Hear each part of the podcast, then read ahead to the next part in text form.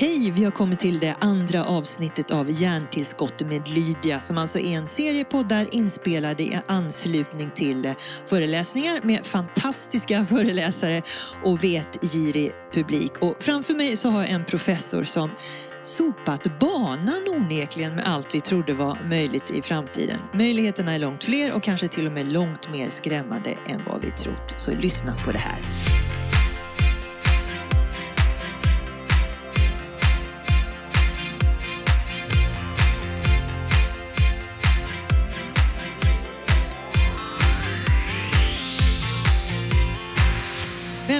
Maria till eh, Hjärntillskott-podden, professor i nanoteknologi.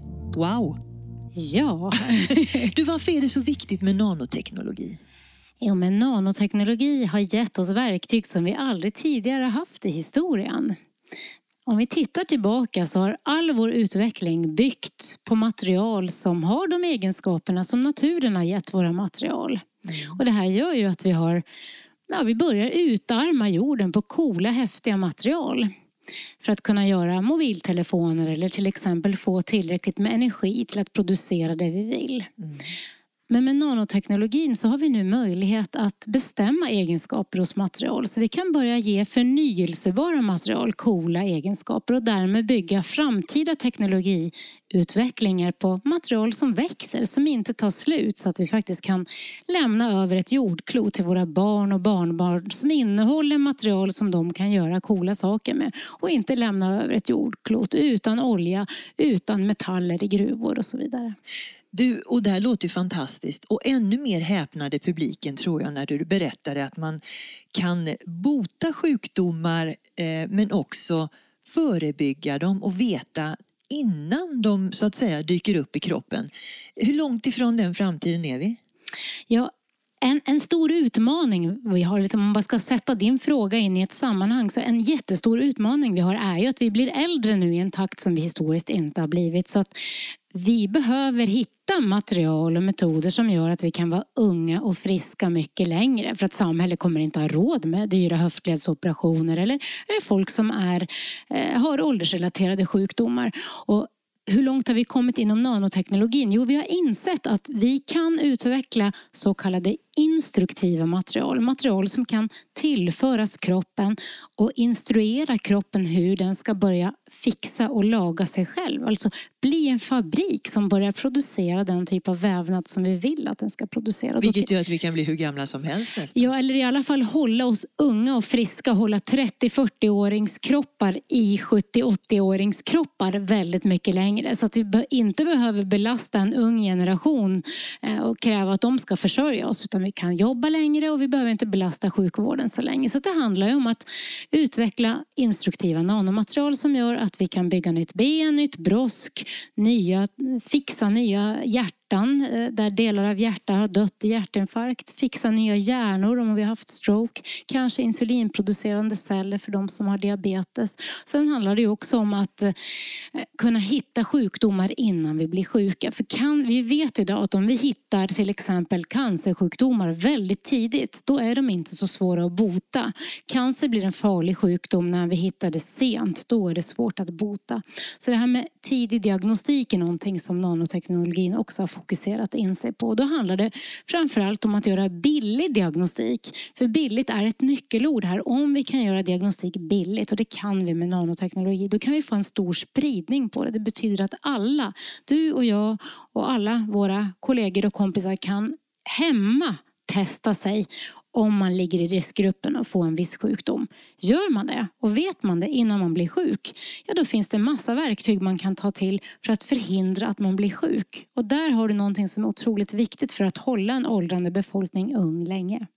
Och bara för att reda ut det här med vad katten nanopartiklar är. Det är väl de absolut minsta beståndsdelarna vi har nästan i, i kroppen. Kan man uttrycka det så enkelt så vi hänger med i svängarna här ja, lite grann? Alltså, man, man skiljer ju på, alltså, Ja, det är så att vi har nanopartiklar i kroppen, det har vi faktiskt. Men oftast när man pratar om nanoteknologi så fokuserar man på nanostrukturer som vi faktiskt gör. Konstgjorda material som vi gör. Som ska ha egenskaper som sätter igång de processer i kroppen eller i andra material. Kropp, vår kropp är material men vi har andra material också. Så att eh, nanopartiklar är en del av nanomaterial men vi har också material som är stora och innehåller till exempel små nanosmå tunnlar då är det också nanomaterial men det är inte nanopartiklar. Det tar ju ett helt seminarium bara att förklara det känner jag. Och med nanopartiklar menade jag egentligen eh, eh, att storleken på en nanopartikel kanske är lättare att förstå om man säger, eller det sa du i alla fall på scenen, att det är ungefär som en av de minsta beståndsdelarna i vårt DNA. Ja, Då förstår man hur smått det är vi pratar om. Ja, en nanometer är ungefär som byggbaserna i vårt DNA och ett virus är ungefär 100 nanometer. Så att vi vi som jobbar med nanoteknologi, vi använder våra verktyg på längdskalor som är typiskt lite mindre än ett virus. För att det är genom att leka med material och manipulera dem, så det är där vi får material att bete sig som vi vill att de ska göra på, på vår makroskopiska längdskala. Men du, det här låter ju fantastiskt. Vad är det för tidsaspekt vi pratar om? När är detta verklighet? När gör nanopartiklarna jobbet åt oss? 10-20 år eller? Det är fantastiskt, jag håller med dig. Redan idag så har vi ett antal godkända cancerläkemedel på marknaden som bygger på nanoteknologi. Där man har bakat in cancerläkemedlet i nanopartiklar och låter just litenheten vara det viktiga. Det här att små partiklar som innehåller läkemedel, de läcker ut där tumören finns. Så att de sprider sig inte helt slumpmässigt till alla andra typer av vävnader och skapar biverkningar. Så att läkemedelsbolagen har kommit långt. Men... Varför hör vi inte mer om detta? Läkemedel som kan bota cancer. Ja, cancer är ju 200 olika sjukdomar Såklart. och vad jag vet så finns det ungefär ungefär 18 godkända läkemedel mot väldigt specifika cancerformer på marknaden. Jag som är i branschen hör ganska mycket om det. Varför allmänheten inte gör det, det vet jag inte. Men jag skulle i det här sammanhanget vilja bara lyfta upp det faktum att all nanoteknologi inte handlar om nanopartiklar. Eh, vi har ju haft en debatt, eller det har pågått en debatt om frågat är nanopartiklar farliga? Ja, vissa nanopartiklar kan vara farliga, men alla nanomaterial är inte nanopartiklar. Så den här riskdebatten vi har haft är inte relevant för alla typer av nanomaterial. Men om vi tar, tar steget längre då och talar om den etiska debatten då. Hur, hur, finns det några biverkningar med nanoteknologin i samhället generellt? För den som hinner först kommer ju ha en enorm makt, är det inte så? Det finns absolut många risker för att teknologiutvecklingen går mycket snabbare än lagstiftningen och det gör att vi inte har någon lagstiftning just nu som hindrar farliga nanomaterial från att komma ut på marknaden. Det finns exempel idag på produkter som innehåller nanopartiklar som jag tror kommer att förbjudas framöver. Så att jag och mina kollegor som jobbar inom fältet nanoteknologi, vi är otroligt måna om att man ska hinna utveckla en lagstiftning som gör att vi inte får ett så kallat nanolarm. För vi ser ju vad mycket gott man kan göra med tekniken. Och det är viktigt att allmänheten och politiker inte eh, får, en, en, får negativa resultat som kan påverka viljan att investera i det här området som jag ser kan hjälpa människor att hålla, hålla oss friska och hjälpa oss skapa en hållbar framtid.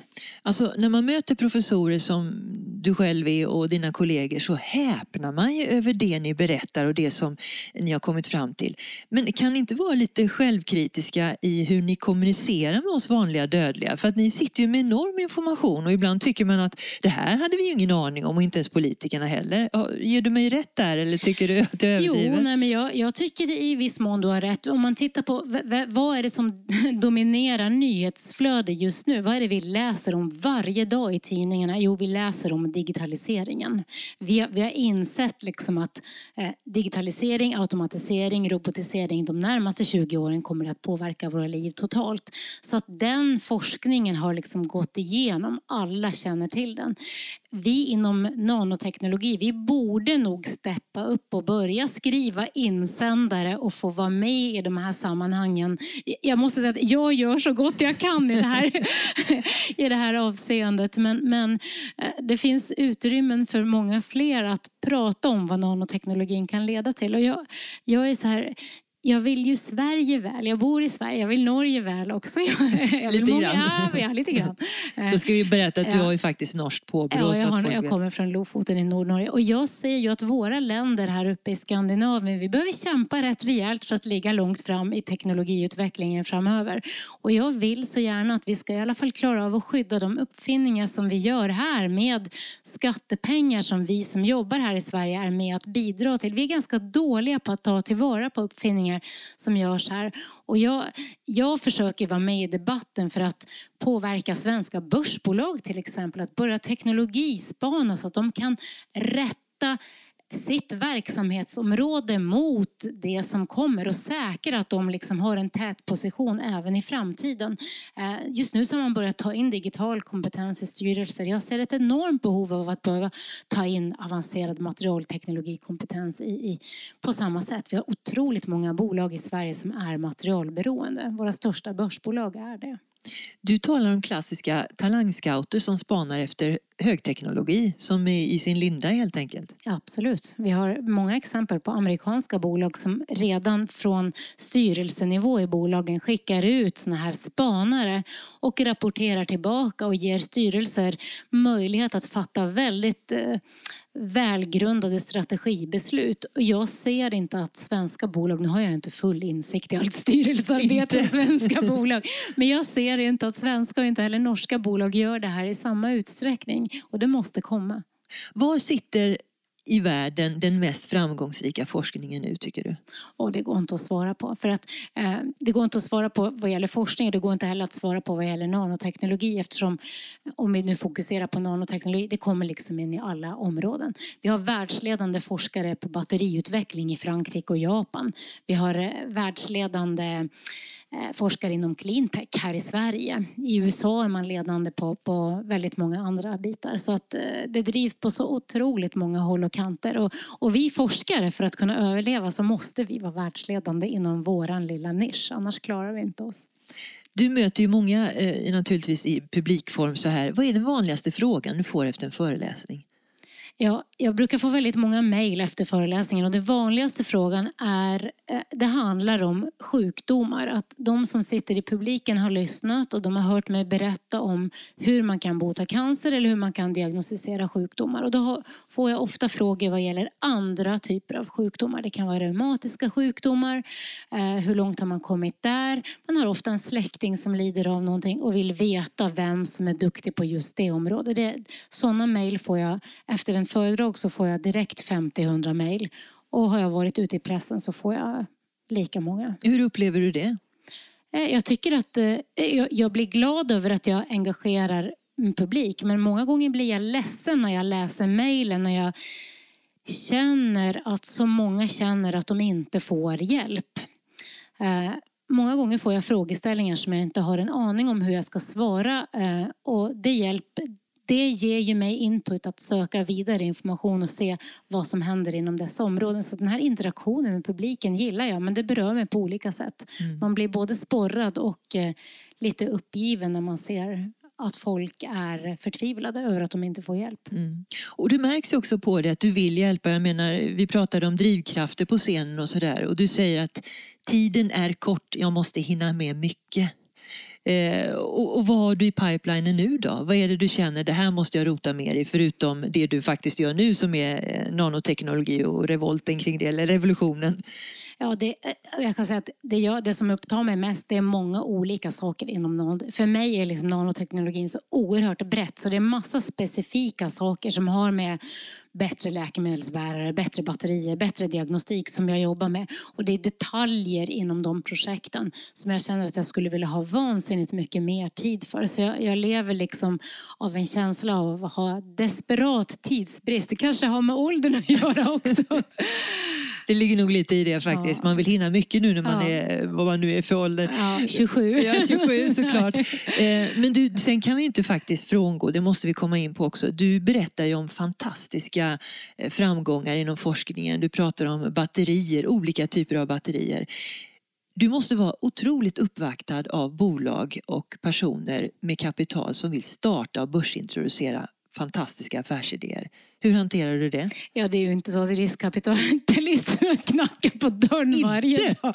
Nej, men, nej, men, eh, jag växelverkar med bolag, det är väldigt mycket. Så att jag, eh, dagligen har jag samtal via e-mail, telefon eller face to face med bolag. Det ingår liksom i, i min forskning. I och med att vi jobbar med material och de kan tillämpas och jag vill att materialen ska ut på marknaden. Så att då måste jag jobba med bolag och jag jobbar med bolag på många olika sätt.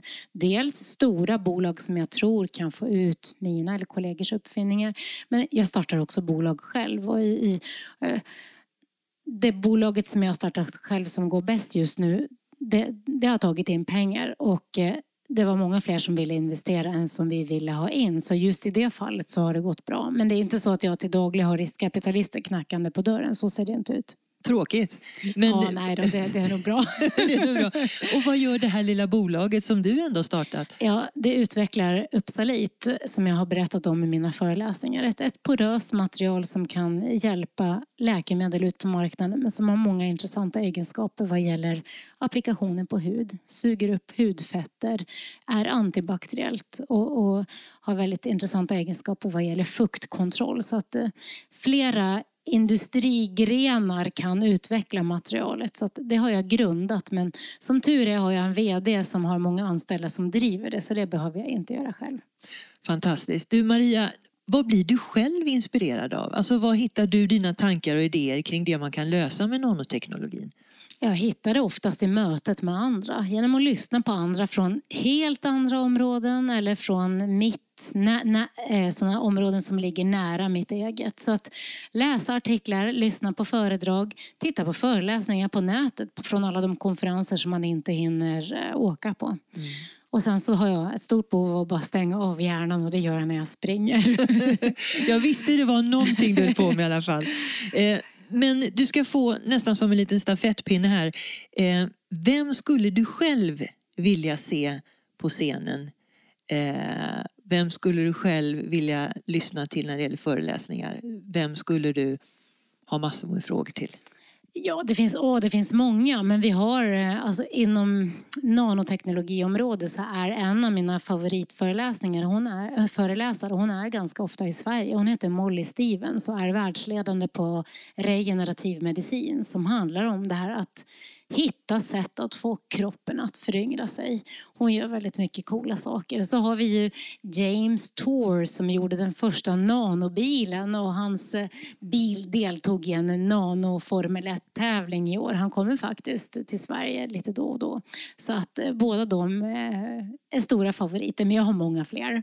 Jag kan berätta för er som inte ser Maria nu, men dina ögon glittrar när du pratar om det här gänget.